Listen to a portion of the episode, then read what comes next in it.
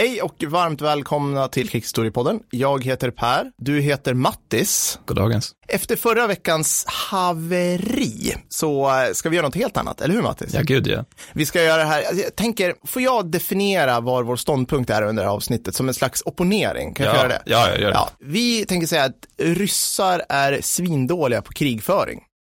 Alltså jag tycker att det är så solklart, alla håller med oss, så att ja, Vi kan lägga ner det här avsnittet tack för är. att ni lyssnar på Krigshistoriepodden. Ja. Vi, nej, Vi, vi får tacka vår sponsor Armalite. Ja, och, eh, ja, det ska, vi, det ska vi göra. Nej men Mattis, va, alltså, jag, jag tänker ju liksom som en akademisk övning nu om jag, om jag får representera lyssnarna här. Det fanns ju något krig som ryssarna utkämpade. Vad Mm. kan det ha hetat? Fredrik, kan vi få, kan vi få en trudelutt som representerar det här kriget? dass ich anständig meine Zeit verwendet habe im will Winter. fight with growing confidence and growing strength in the air. December 7th, We shall defend our island. 1941, a date which will live Die du jetzt In- ein in- Stimmwerk. Wenn ja, dann tritt für mich ein, so wie ich für dich eingetreten bin. Perfekt. Jag tror det hette andra världskriget. Jag tror du skulle säga rysk-japanska kriget som de torskade.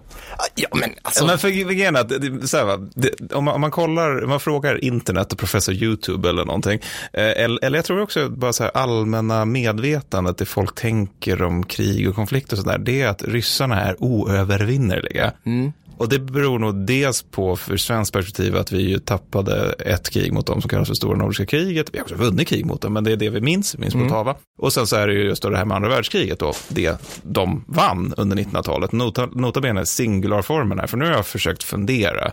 Och jag antar att om vi har aktiva lyssnare så kommer jag säkert få något, något glatt förslag här. Men om vi tänker 1900-talet och vi tänker Ryssland och Sovjetunionen och eh, Tsarryssland, har de vunnit något annat krig? Alltså jag tänker inte så här intervention i Angola på MPLAs sida under 70-talet, där man har så här 90 knäktar som är där och utbildar, utan alltså krig, krig. Ja, nu sätter du mig på pottkanten lite här. Jag menar alltså bara så här snabb genomgång, 1905, vi har eh, rysk-japanska kriget. På den här tiden ses japanerna av europeer som en annan art. Det är omöjligt för europeer att förlora mot utomeuropeer. Ja. Ryssarna torskar. Det är en ganska stor grej vid tiden. Ja. Sen har vi också det här andra världskriget, utöver andra världskriget, Ja. som, som, som folk liksom inte känner till och tror är en ost. Det vill säga första världskriget som de stortorskar. Jag menar, det, det är ju en grej det här, va? att många, eller de få som nu tänker på första världskriget, är det ganska många som säger att ja, men de förlorade inte riktigt helt och hållet, utan var med att ryska revolutionen kom och därför, ja men ha, ha, har ni läst på om hur det gick till på östfronten? Snälla någon. De fick pisk innan kommunisterna drog igång i Sankt Petersburg, va? Ja, några gånger om. Och vi ska, det, det är inte bara Tannenberg, utan vi kommer ha ett paradexempel här. Nej, men och sen så är det andra världskriget, okej, det vinner de det. Men innan det så är det ju polsk-sovjetiska kriget som de förlorar. Och sen efter det, ja, det är ju liksom lite Pragvår och sånt där skit. Men sen nästa riktiga krig är ju Afghanistankriget, som de förlorar. Ja. Första Tjetjenienkriget, Oj. som de ja. förlorar. Ja. Vi pratade om det i förra avsnittet. Om man vill veta lite hur det gick till eh, stadsstriderna och hur bra Ryssland var där, så ja.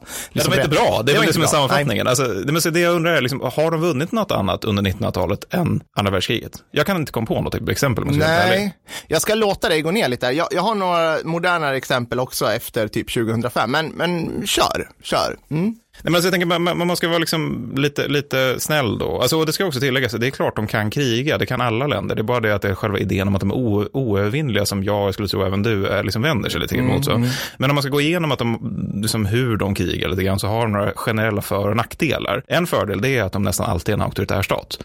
Det är en fördel i krig, det är en jävla nackdel i fred, men i krig är det i alla fall ofta en fördel, för man kan helt enkelt tvinga folk att göra saker de inte vill, vilket man ju, ja, det kan vara praktiskt i krigssituation.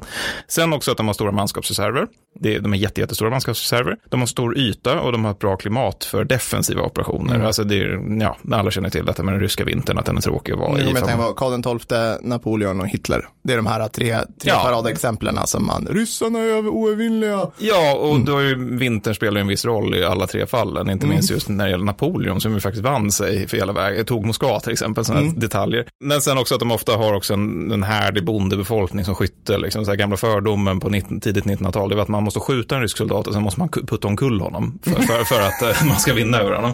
Eh, Så det är bra saker. Men nackdelarna väger dock ganska tungt också. Det är ofta att de ofta har ett primitivt statsmaskineri. Att de har en förvaltning, men där är den inte meritokratisk. Så alla sitter där för att de känner någon och alla är alkoholister. Och det är en nackdel för man ska ha ett modernt krig. Ja. Sen ganska personalintensiv krigskonst.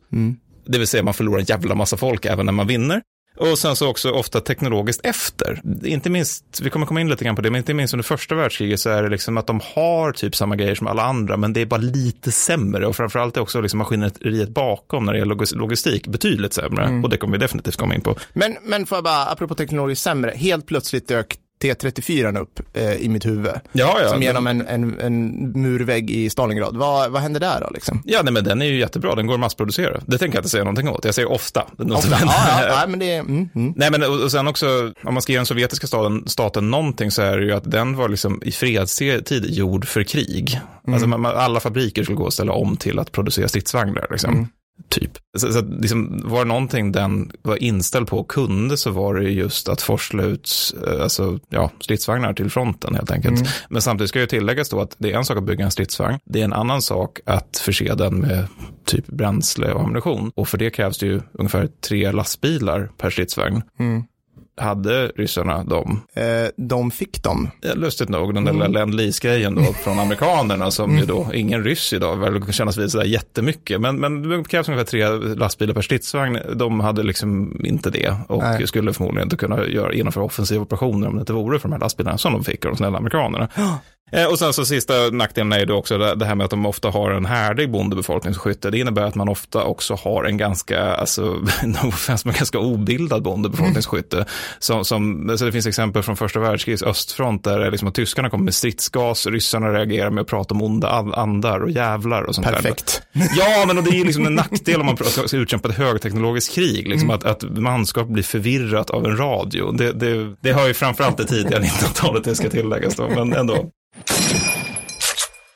Nå, men, men så det är för och nackdelar, men du ville att du skulle borra ner mig lite grann där. Ja, men jag tänker liksom att vi, vi lever ju under den här tron liksom att eh, fransmän är dåliga på krigföring, obst, ska vi prata om i nästa avsnitt, och att ryssar liksom vinner. Alltså att de vinner hela tiden, de vinner på grund av det. Men finns det något tecken liksom som, för att alla de argumenten du tagit upp nu, det kan man ju också säga om till exempel i viss utsträckning Nazi-Tyskland. Det var också en totalitär makt, men de förlorade. Och liksom, vad, vad hände där då? Liksom? Ja, alltså, det här är ju lite, lite det vi var inne på i förra avsnittet, att eh, Nazityskland och egentligen Tyskland generellt är jätteduktiga på att kriga. De är bra liksom i verbformen av krig. Man, man är bra på taktik, man är bra på operationskonst, man är dålig på strategi eh, och man är usel på diplomati. Eh, det här blir ju liksom en podd i sig, men betänk liksom vilka allierade tyskarna lyckades samla ihop under första och andra världskriget. Det var bra. Vi har Österrike-Ungern med oss och vi har Den stor- bästa dubbelmonarkin. den bästa dubbelmonarkin och vi har Ryssland, USA, Storbritannien, Frankrike och Italien utöver ett myller av östeuropeiska stater emot oss. Ja, nej, men det är bra diplomati det. Ja. Eh, Och, och sen så har vi då andra världskriget. Vilka har vi med oss? Ja, vi har Japan och sen så har vi då Italien. Ru- ett, Italien ett tag. Ja, Rumänien ett tag. Och sen så Ja. har vi Sovjetunionen, USA, Storbritannien, Frankrike och ett myller av östeuropeiska Detta stater. Det måste- powerhouse Rumänien. Ja, ja, vad kunde ja. gå fel? Ja, vad kunde gå fel? nej, men så vad var frågan egentligen? En spansk frikår. Okay, Nej, ja, nej, men så, vad, vad skiljer sig det hela åt? Alltså, jag menar, tyskarna är ju, om man tänker efter på saken, de, de är ju dåliga på krig. De är Mm. bra på att kriga, men de är dåliga på krig. Ehm, så jag vet inte om det skiljer sig där jättemycket egentligen. Alltså för att hela andra världskriget går ut på att tyskarna på något sätt försöker tänka bort och ingenjöra bort att de just har lyckats försätta sig i en helt hopplös situation. Mm. Men om vi går över till ryssarna så, jag, jag tänker att ett väldigt bra exempel på när det går dåligt för ryssarna, för att man, man bör ha ett sånt i en podd där man påstår att ryssarna är dåliga på kriget. Det är den idag kanske inte fullt så kända Gorlish Tar- Tarnov-offensiven 1915, där det just är lag Tyskland som möter lag Ryssland. eh, känner du till Gorlish Tarnov-offensiven 1915? Det låter som ett sånt här ställe som man flimrar till på Vinterstudion där de har någon sån här obskyr skidskyttetävling. jag, äl- jag älskar sådana orter. Snöiga Gorlish. Ja. så är det så dragspel och Ja, men lite och skit. så, Ja. så här, här kommer Kalle in på upploppet och igår Tarnov. Ja, förlåt. Ja, men det är känsla av blåbärssoppa. Ja, precis. Nej, men eh, för, för poddens skull säga nej. Ja, men vad fint. Ja, men alltså det, det, det som händer där, det är ungefär att eh, man har östfronten, tyskarna har försökt ha, har liksom, egentligen haft ganska små förband där under hela 1914. Och sen så har de hoppats på att österrikarna ska liksom bara skärpa sig och eh, styra upp där och hålla östfronten. Och det har ju österrikarna naturligtvis inte gjort, utan de har gått Konrad från von Hötzendorf. Ja, alltså, vi måste ha en podd om Konrad. Men Ja, alltså, det, vi. Österrike tyskarna har lyckats med istället att på ett halvår ungefär mellan krigsutbrottet 1914 och eh, mars 1915, det, det är då förlorat två miljoner man. Och det är lite illa då, för de mobiliserade typ en och en halv miljon man. Så att de är liksom redan sådär på innan första krigsåret är slut, Mm. liksom, så har, har man redan börjat skapa manskapsreserver. Och, så. och tyskarna de inser att det här kommer ju aldrig i helvete funka, vi måste göra något. Mm. Det, det de gör då det är att de gör något. Det är att de, de helt enkelt vittjar västfronten på duktiga infanteriregementen och Mm. slagkraftiga artilleribataljoner. Och sen skickar man över det till östfronten och så säger man pet på ryssarna och sen så sker en total kollaps där ryssarna förlorar två miljoner man och Polen. Det, det är liksom en imponerande usel insats då. Och liksom, det, det börjar med att, att man, det, det som är grejen är att man i praktiken tar västfrontens krigföring till östfronten. Ja. Så det börjar med att man börjar med att skjuta på eh, ryssarna 2 maj. Då. Och, det, och det är också en grej, alltså att de gör det här med att förflytta de här förbanden på ungefär en månad. Mm. Vilket är omöjligt för typ alla andra krigförande nationer. Alltså att man tar 180 000 man och ungefär en, eh, 1000 artilleripjäser, bara tar dem från väst, sätter dem i öst, säger åt Österrike att ni kan också få vara med på ett hörn. Ni, ni får liksom utgöra vår, vår kö. Ja. Och sen kör vi, alltså på en månad. Det är imponerande snabbt. Så, och det grejen är också att ryssarna, de, de tycker ju då att vi, vi har gjort alla förberedelser vi, vi kan liksom mänskligt krävas göra. Det vill säga de har byggt en tunn linje eh, av skyttegravar. Det finns liksom inga förbindelsegravar mellan de här. Då. Nej. De är ganska grunda. Man har liksom inte orkat överhuvudtaget. Så att när det här artilleriet väl faller, då blir det bara ett stort hål i den ryska fronten. Ryssarna inser så lite senkommet att ja, det här var väl inget bra. Vi borde nog göra ett motanfall. Så man skickar in liksom hela kårer i det här hålet utan kartor. Så de har ingen aning om vart de befinner sig. Däremot så befinner de sig ganska, inser de snart att de befinner sig i en fullkomlig stålstorm av industrield. Liksom. En av de här kårerna har tappat 30 000 man på fyra dagar. Ja. Ja, det är dåligt. Och totalt till 12 maj, så, vilket är alltså tio dagar, så har ryssarna tappat 210 000 förluster. Det är mycket. Ja, det är jättemycket och tyskarna är däremot uppe på ungefär 20 000 förluster. Så, att, så att det går liksom inte jättebra för lag Ryssland. Och en stor anledning till att det är så här, det, det är i grund och botten eh, alltså logistikhaverier.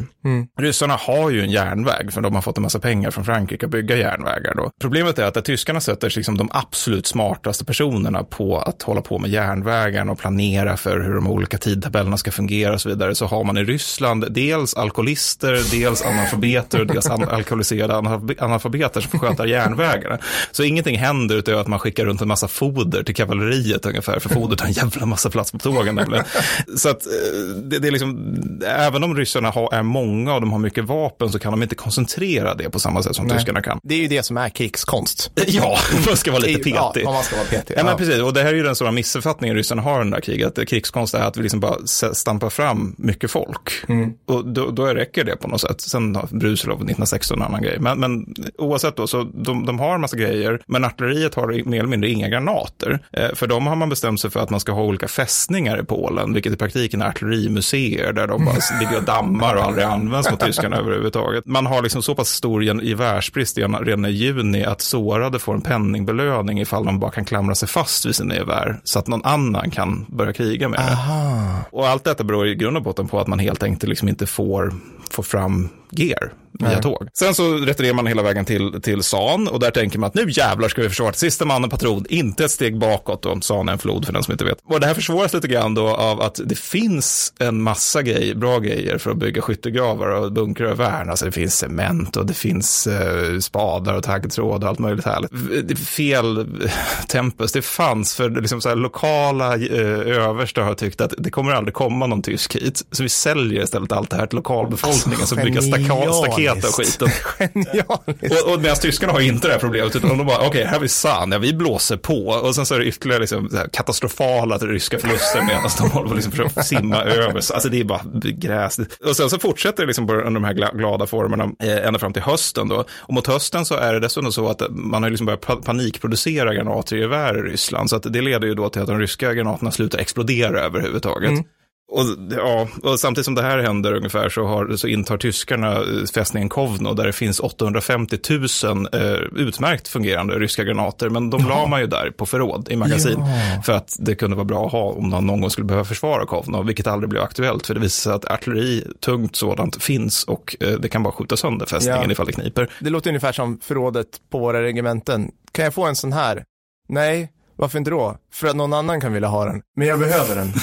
ja, men tänk om någon annan vill ha den. Okej, hej då. Ja, men ungefär så. Äkta dialog. Ja men ungefär så. Och, och det är liksom slutar med att hela divisioner bara består av typ ett skyttekompani som sitter och vaktar artilleripjäserna. För artilleriet är alltid det som flyr först under Ja. offensiven. Eh, Så, att, så att det är det som artilleristerna kallar för boskapen i infanteriet. Och de får stå där utan artilleriunderstöd, utan flygunderstöd och utan fungerande gevär eller ammunition. Jag har för mig att man använder ungefär 14 olika kalibrar till gevären. När det, 14. Då måste Ja, man vara 12 eller 14. kreativ att liksom, Ja, men man, man snor ju liksom att man har, bara, oj, här, jävlar, här var ett italienskt Ah. gevär vi hittade, oj, här har vi ett tyskt som vi tog från när vi liksom hade någon lokal motoffensiv sådär, oj, Ja. ett öst, österrikiskt. Så, och liksom, det i sig är ju ett problem, för det innebär att det är liksom, om var- nu var 12 eller 14, att man har 12 eller 14 olika logistikkedjor för Mm. alla jävla kalibrar som man ska fylla upp. eh, och det är då återigen till ett skytte som nu inte har något artilleriunderstöd, för artilleriet har antingen inga granater eller så har de bara stuckit Ja, utan att säga ja. någonting. Och sen också en sån här sak, alltså tyskarna sätter ju in stridsgas, de använder ju fosgengas under sommaren 1915. Mm. En förfärlig sak, eh, fosgengas, men eh, också synnerligen effektivt om fienden inte har några gasmasker, vilket de har, ryssarna, men den är i Warszawa. Mm, Eller de är i Warszawa. Medan den här gasen, den sker liksom ja, neråt Galicien till. ah. Det är jättelångt mellan Galicien och Warszawa. Men nu var det återigen det med tågtjänsten som inte riktigt funkar som det ska. Så att- Galicien som ligger mellan Narnia och Middle Earth. Ungefär så. Ja, men det är, alltså, men det är liksom också, det är, det är så jävla tragiskt, för det är liksom att man har, det är just den här fullkomliga inkompetensen som leder till att folk får, får, får utstå fosgengas utan masker. Det, det känns liksom inte ens rättvist för det laget. Men fanns det ingen fungerande officerskår? Var det liksom utrensat eller var det fullständigt korrupt? Ja, men alltså, det fanns en officerskår, men det var innan kriget mer liksom ett eh, system för socialt umgänge för den ryska adeln. Sen finns det liksom de som- är väldigt skickliga, till exempel eh, general Brusilov som är en av första världskrigets utan tvekan bästa generaler.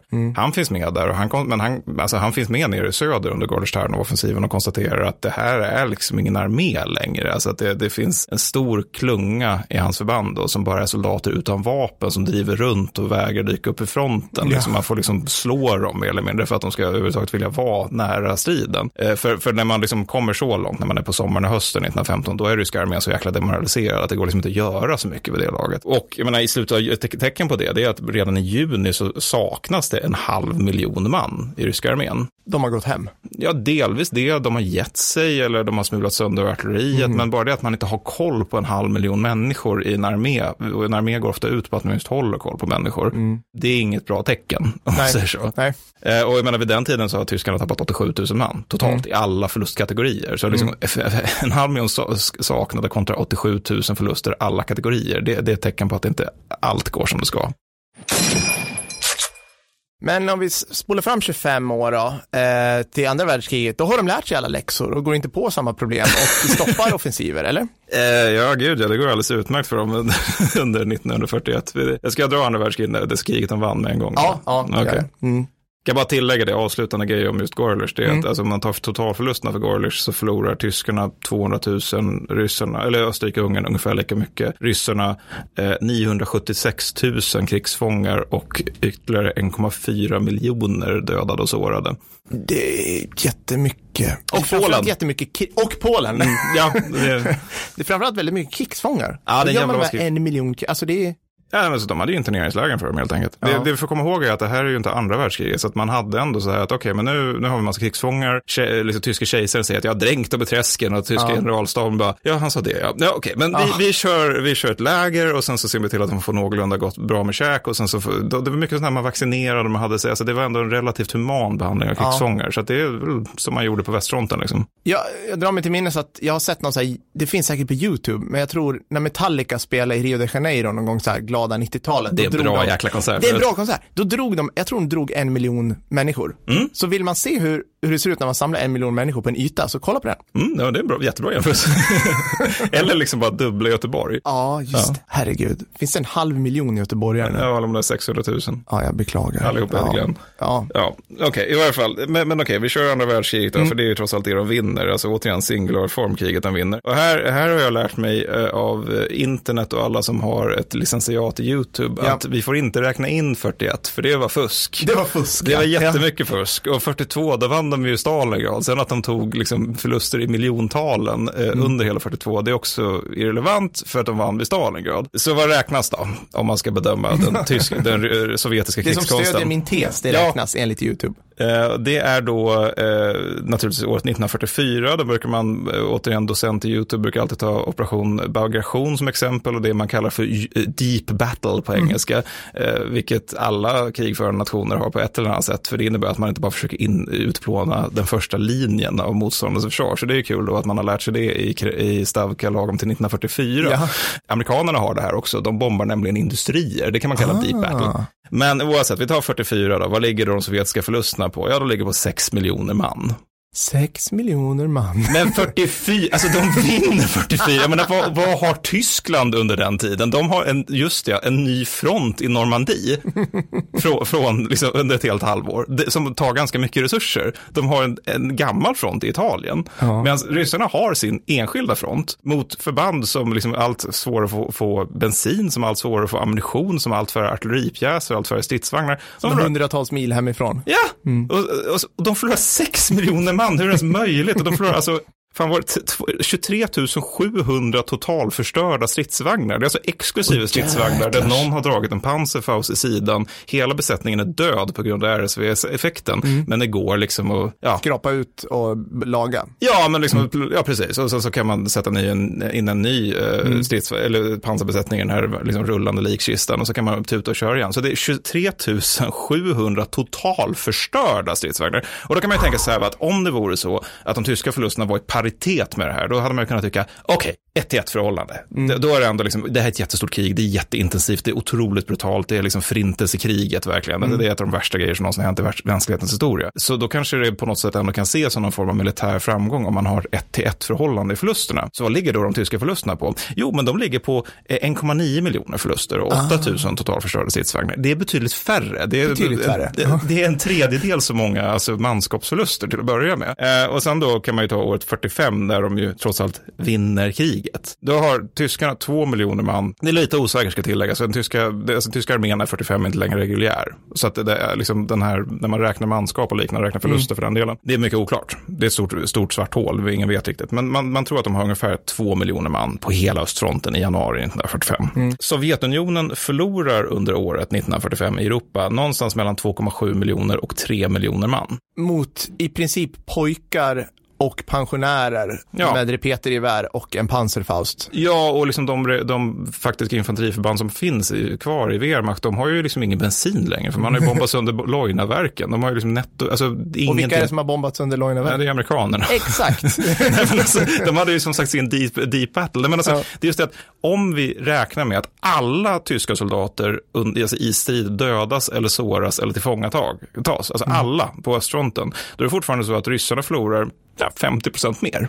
Det är fascinerande. Ja, men och då är ju återigen det att det hände ju inte. Det var Nej. ganska många som överlevde utan att vare sig dödas, såras eller tillfångatas eller dö i olyckor eller allt man nu kan råka ut för på en front. Så att liksom, när de vinner så är det fortfarande så att de förlorar 2,7 till 3 miljoner man. Jag hittar Ja. lite olika uppgifter om det där. Eh, och medan tyskarna då, om man tar det här när det är liknande förhållanden, det vill säga att det är en ganska oförberedd armé, eh, så, eller att det är liksom en asymmetri i, i ingångsvärdena, det vill säga när tyskarna anfaller 41, då förlorar de under hela krigsåret 41 830 000 man på östfronten. Och då kan vi då eh, jämföra det här med, återigen, eh, alltså, så här.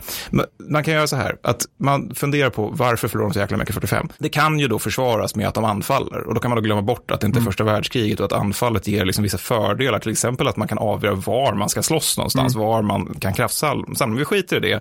För alla har inbillat sig att anfall alltid är en nackdel.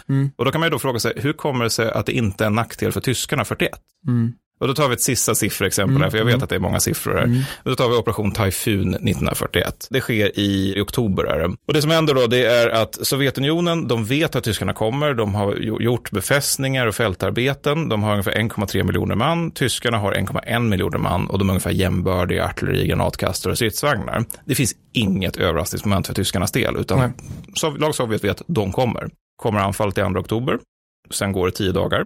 Sen har eh, Sovjetunionen förlorat en miljon förluster. Mm. Till den 17 oktober har tyskarna förlorat 46 430 man i alla förlustkategorier. Ja. Så det är så 1 till 20 förhållande i när man anfaller. man anfaller. Ja, och, och, och som då ska ju vara så fruktansvärd nackdel att det på något sätt skulle försvara att, att ryssarna förlorar 50 procent fler soldater än tyskarna har 45. Och det, det är inte så att ryssarna då, liksom, de har, de har medeltunga kulsprutor, de har granatkastare, de har, De har T34. de har T34. De har bättre stridsvagnar än vad Alltså tyskarna man har skulle 41. vilja se det här nästan. Alltså man skulle vilja, för jag menar, du och jag, vi kommer säkert göra ett avsnitt där vi pratar liksom, ja men typ om den medeltunga kulsprutan, hur den totalt förändrade Du vill verkligen göra den, ja. Och, och, ja, men, ja men typ. Ja. Men man skulle vilja se hur man misslyckas så kapitalt som ryssarna gör. Alltså Mm. man skulle vilja se, vad, hur, min lilla syster skulle kunna planera det här försvaret bättre tror jag. Liksom. Ja, men alltså, om man frågar typ Niklas Zetterling så handlar det ju inte egentligen så mycket om att, eller ja, det handlar väl om det också, att ryssarna är ganska klåfingriga, men, men även att vid den här tiden är ju tyskarna väldigt bra. Ja. Men så, så det är liksom att tyskarna har någonting med saken att göra, det är ju naturligtvis en grej. Men, men absolut, det, alltså, andra allierade drabbas inte av den här typen av förluster ens när de möter Wehrmacht när det är som bäst. Nej. Så, så det, det, jag, jag jag håller med, jag tycker också att man skulle på något sätt vilja veta i detalj varför är de så dåliga. Alltså, Alltså jag skulle vilja veta 45 också, återigen, alltså nästan tre, eller omkring 3 miljoner förluster när man vinner, när Ja. fienden inte har någonting. Ja. För det är alltså, återigen, om man tar hela kriget så förlorar de ju i alla förlustkategorier då, lågt räknat 25 miljoner man. Mm. Plus ytterligare 4 miljoner man utanför strid och 96 500 totalförstörda stridsvagnar. 25 miljoner man, det är ungefär, är det lika många som bor i Finland, Norge, Sverige nu va? Kan vara Ja, det kan nog bli Alltså, något sånt. jag- Och det här är också återigen lågt räknat. Det är från ska säga, generalöverste Kriochevs eh, uträkningar i början på 90-talet. Mm. Eh, och då är det så att han räknar ju inte med typ partisaner och NKVD-förband, så eventuella ant- så, så han kommer fram till eh, stupade på 8,6 miljoner tror jag. Mm. Och då finns det, om man räknar in partisaner och NKVD, de som menar på att det snarare ligger på 11,4 miljoner bara i stupade. Mm. Och sen så är det ju liksom gånger två, gånger tre sårade, sen är det ytterligare tillfångatagna, var jätte, Mm. jättemånga dör i fångenskapen. Alltså det, det är helt vansinnigt. Det, Jag, jag har sett, eh, för att sätta det här i perspektiv över tid, så har jag sett en sån här demografigran Mm. på Das Internet som är liksom, man ser hack i den här eh, stapeln. Det här är jätte, jättebra podd att försöka förklara en, en graf nu. Men, nu ska vi, jag visar en bild för ja, dig. men vet du vad, jag lägger upp den här på vår Facebook-sida. Ja, men du menar att det är de här liksom stora hacken? Ja, det är hacken. Man ser liksom, här är barnen till eh, generation 1920. Här är barnbarnen liksom. Mm. Och kanske barnbarnsbarnen nu till och med också. Och det är liksom, där går det ner. För de är inte så många. De Nej. lyckades inte, de lyckades inte eh, avla av sig. Liksom. Det var så många unga män som dog. Ja, men jag minns inte vilken det är. Vad blir det? Alltså de som är 18, 1921, alltså generation årskull 1923. Där är något sånt där, typ så 80-90 procent inte överlevde 1946. Och det handlar ju dels då naturligtvis om kriget, men även om att liksom, ja, Stalin. Ja. Alltså han, han var ju en faktor också, att Ja. se till att folk inte överlevde hela vägen till 46. Nej, det ryska lidandet är, o, eh, alltså det är oändligt. Ja. Det, är- det är väl Ja, det som är ja. slutsatsen av det här. Armalite! Ni är inte bara denna podd möjligt, ni tillhandahåller även oss vanliga dödliga med personlig skyddsutrustning i form av gasdrivna automatkarbiner. Visst är det så att du också har införskaffat ett vapenskott nyligen, Mattis? Jajamän. Jag med! Med Armalites lättviktiga karbiner i skåpet känner i alla fall jag mig trygg i hemmet. Och du, just nu får du deras AR-10 14-tums Tactical Rifle AR-10 TAC 14-NFA för bara 1500 dollar. Om du går in på armalite.com och uppger rabattkoden riktpunkten i halshöjd, alltså ett ord, riktpunkten i halshöjd. Återigen, tack Armalite! Men du har lite mer moderna exempel. Ja, precis. Ehm, vi, hur långt kom vi i vår rant i början? Vi snackade om uh, Tjetjenien slutet på 90-talet. Och nu kommer ju alla de som sitter här, Mr YouTube, alla de säger så här, men hallå, Putin, Mattis, Putin. Han är typ bara ett, bröstet. Han är typ ett geni. Han, han har liksom snurrat upp alla västerländska nationerna. Han håller på med subversiv verksamhet. Han påverkar val. Han kommer lätt vinna. Alltså, om det skulle hända någonting. Jag menar, och i samma andetag brukar de säga, och svenska försvarsmakten suger, skulle aldrig kunna stoppa, tänk på Gotland, etc. Men vi kan ju titta lite grann på hur det har gått då. då så här. 2008, Georgien. Det här var alltså ett sätt, det var Medvedev, om ni vet vem det här är. Det är alltså han som är eh, pre- president ibland så att Putin ska kunna få vila i sin dacha och sen komma tillbaka och vara president. Han som också har som en stor nyckel i ryggen som man vrider upp så att han ska säga det Putin säger. Ungefär Ja. så. Eh, han hetsade sydosetierna att i princip under, ett, ja, jag tror det var ett års tid, sk- skjuta artilleri och genomföra begränsade anfall mot Georgien. Just det. Eh, Det här får ni alla kolla på en karta. Jag kanske lägger upp en bild. Helt enkelt, Georgien svarade med ja, skjuta tillbaka artilleri. Det är relativt rimligt. Det här händer i de här kontest, ja, i de eh, områden som folk, som länder bråkar om. Ja, för menar, vi skulle inte tro det om Skåne gjorde så mot oss. Nej, liksom, och, alltså, Ossetien var, Sydossetien, eller är vad det är då, den här delen av um, Kaukasus som är, eh, det är krig typ hela tiden och det är ju lite olika problem. Men det här hade Medvedev, eh, det vill säga Putin, väntat på då och genomförde ett fullskalig invasion av Georgien just med sina liksom tätförband. Det här var liksom början på att återskapa Ryssland som en regional stormakt, helt enkelt. Vad hände då? Eh, ja, 60 procent av de ryska stridsfordonen som deltog i det här brakade ihop och kunde inte repareras på grund av ri- brist på reservdelar. Bra. Vi, de hade alltså oändligt med tid att bunkra upp reservdelar i, en, i en någorlunda, liksom, det här var 2008, det var liksom inte Jeltsin-åren 92, Nej. utan det var liksom, de, de kunde inte nedsupna Tjetjenarmén liksom. Så. på de vanligaste stridsfordonen i världen, BMP 1 och T72, de kunde inte skramla ihop det här. Nej, Eh, Så att, jobbet ibland. Ja, precis. Och ja, vad säger då experterna då? Det rysk, de säger rysk manöverkrigföring var oinspirerad, det tycker jag är ett skönt Mm. intryck, och förorsakade ryssarna högre förluster än nödvändigt. Känner vi igen det här Mattis? Ja, men det skulle man väl kunna. Ja, Ja, det ja. låter väldigt bekant. Jag skulle säga det. Och sen då, eh, värst var ju förmodligen, och det är det här med, med låg teknologi, det var att ryska flygvapnet kunde inte flyga på natten. Nej, nej. Nej, det- ba- bara det. De använde inga smarta vapen. Men hur fan är det möjligt? Det får man kunna göra sedan 60-talet i USA, eller? Nej, ja. Har jag missat någonting? Eller Nej. fan, nej, 40-talet. Man 40 bombar ju på natten då. Det, Alltså, De kunde inte flyga på natten. Nej, jag, jag har ingen aning. det blev liksom. inte så den här gången. Ja, jag citerar FOIs forskare här, vars professionella bedömning är att ryska flygvapnets insats var svårt trattigt, helt enkelt. Nej, jag ska bara. Men det, skulle, det säger FOI ungefär, om vi frågar dem. Och- sen, sen ska vi inte glömma det här. Vad var det strategiska målet? Vad var Putins Jo, för att Georgien var ju i förhandling om att gå med i NATO. Så de ville ju ja, straffa och sådär. Så att det strategiska målet, det övergripande politiska målet var ju att piska tillbaka Georgien i, i follan. Hur har det här gått då? Ja, de är så nära NATO man kan komma. De är inte med, nota bene, men jag har alltså sett georgiska soldater i Afghanistan delta i NATO-insatser. Så de är som Sverige ungefär. De är som Sverige. Ja. Så bra jobbat. Då. Ja, de, det var skönt. ja, men det var ju fint att de fick till det till slut. Ja, det, det, det påminner lite grann om det där med just det här med tyskarna då, som då, då, bra på att kriga men dåliga på krig. Och I Ja. det här fallet låter det snarare då som dåliga på krig, dåliga på kriga. Ja, dåliga typ rakt igenom. Men vi vet ju vad så att säga Putin gör. Det, det läcker som ett såll. Vi visste det inom fem minuter från att de eh, invaderade östra Ukraina, som jag kommer till. Eh, så, ja. Nu, nu säger säkert någon, "Ja, men Krim, Ja, Fett accompli Per. Mm, Krim. Och jag säger bara att ja, det var det första inget krig.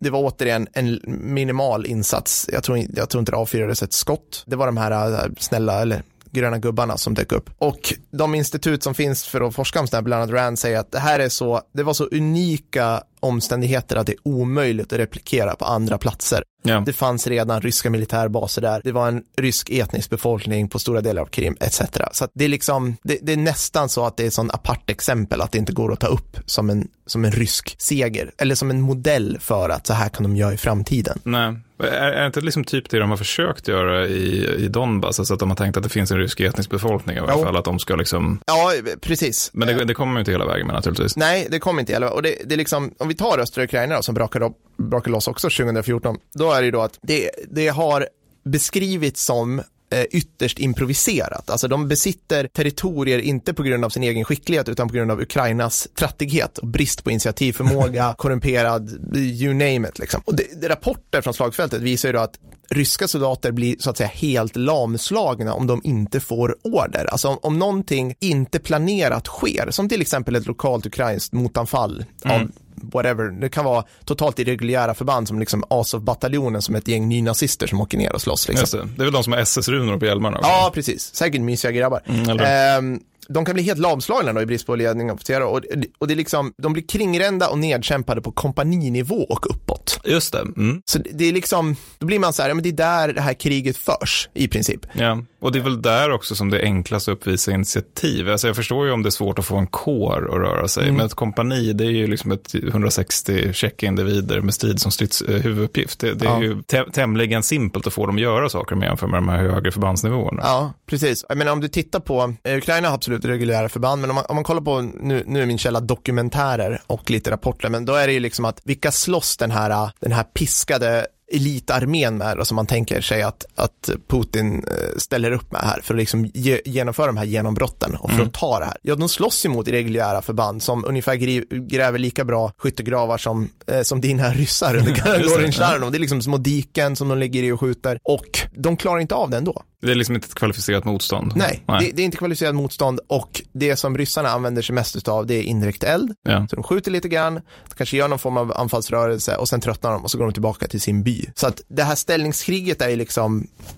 patetiskt utifrån ett, allt det vi vet om modern krigföring och allting som man skulle kunna göra. Men, men, ja, det, men det är lite intressant det där, för att jag har noterat på den här, så här pöbelbiten av internet där man Mm. läser liksom hur ligger det till med, med svenska försvarsmakten, hur är det Mm. med ryska försvarsmakten. Du vet, det finns ju en massa så här landsförrädare som älskar ry- Putin. Liksom. Mm. Ja, precis. Eh, De pratar ju ofta om det här med att, eh, alltså att Ryssland är hårt så. Alltså man pratar ju Mm. nästan andliga termer, att det är en hård befolkning, det är hård armé. Det är någon essens liksom, anser man som, Ja, och alltså, som jag har ju pratat med. med, alltså, svenska jägarsoldater som håller på att pra- ältar om hur hårda ryssarna är och att vi är så lama och svaga Mm. i Sverige. Jag bara, jo, absolut. Och det är ju en, en faktor, ett ingångsvärde man måste ta hänsyn till om året är 2500 BC och Mm. vi står med två liksom, bronsvapen och ska ge oss på. Alltså, just det här med hårdhet är ju liksom inte så, det är ju inte så gångbart när det finns mod, alltså modern teknologi, när det finns flyg, när det finns indirekt eld. Alltså det, det, vi kommer ju prata om japaner i ett framtida Mm. avsnitt. Det var en hård armé under andra världskriget. De torskade så det skrek ja, precis. Eh, För, för jag menar, liksom, den, du nämnde det här med initiativ. Jag menar, den ryska värnplikten verkar ju framförallt gå ut på egentligen att man misshandlar de meniga tills Mm. de blöder och sen så är det det i åtta månader. Medan vad jag minns som svensk värnplikt och det jag läst om det, det är ju snarare att man ska lära sig att ta initiativ. Mm. Och jag tror det slår betydligt högre att man lär sig att ta en käftsmäll av veteraner om och om igen. Precis, så att det här är man kan säga att östra Ukraina är kortsiktiga taktiska mål och det är aggressiv utrikespolitik för att dra till sig, för att avleda internt missnöje. Det är alltså klassisk diktator. Det finns ingenting genialiskt med det. Det finns ingenting som gjorts hundratals gånger. Nej. Och jag ska säga, kanske som en avslutning här, att vi, alltså det är, det finns ingenting som är grundläggande speciellt med den ryska liksom, militära utbildningen, med det ryska sättet att föra krig. Det är styltigt och det kan vi till exempel se för att om du googlar till exempel ryska militärövningar, då får du se väldigt så här, kanske imponerande eh, samtidigt eldöppnande av stridsvagnskompani liksom. Och du får se liksom framryckande BNP. Men det du inte får se, det är att det här sker på liksom banor. Det är så här, Just det. kör punkt A till punkt B. Du kan inte misslyckas. Det är liksom flaggor och du följs med hela vägen. Öppna eld, kör tillbaka. Och, och skyttegrupper på samma sätt. Det här är liksom vanliga infanteriförband. Om man jämför till exempel mot Sverige, där du kan ta random trosspluton, eh, släppa ut dem i skogen, du har en, en driven officer som säger att vi har risk hit och dit, vi har du, du, du, du, du. Men det här skogspartiet, i det här skogspartiet finns det pappmål och eh, fallmål, anfall.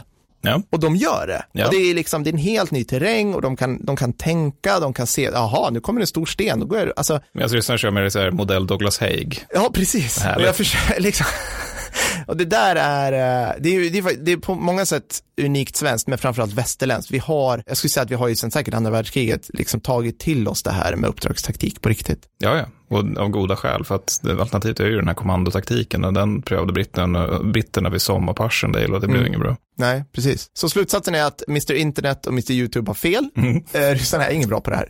Vad ska vi prata om i nästa avsnitt, Mattis? Ja, då jävlar. Det- då ska vi prata om... Ska vi göra Mr. Så här, Internet det, arg det, igen? det vi nu har konstaterat är att ryssarna är oförmögna att kriga. Lite spetsat kanske. Nästa avsnitt, då ska vi förklara varför fransmännen är så jävla bra på att kriga och att det liksom är en av de bästa krigarnationerna i Europas jävla historia. Det, jag, jag kan inte tänka mig någon har något motargument på det här ute på internet eller någonting. Nej, nej. Absolut Nej. inte. Det tror jag inte. Det finns inga förutfattade meningar sådär. Ja, vad bra. Vi hörs då. Ha det bra. Hej då. Hej.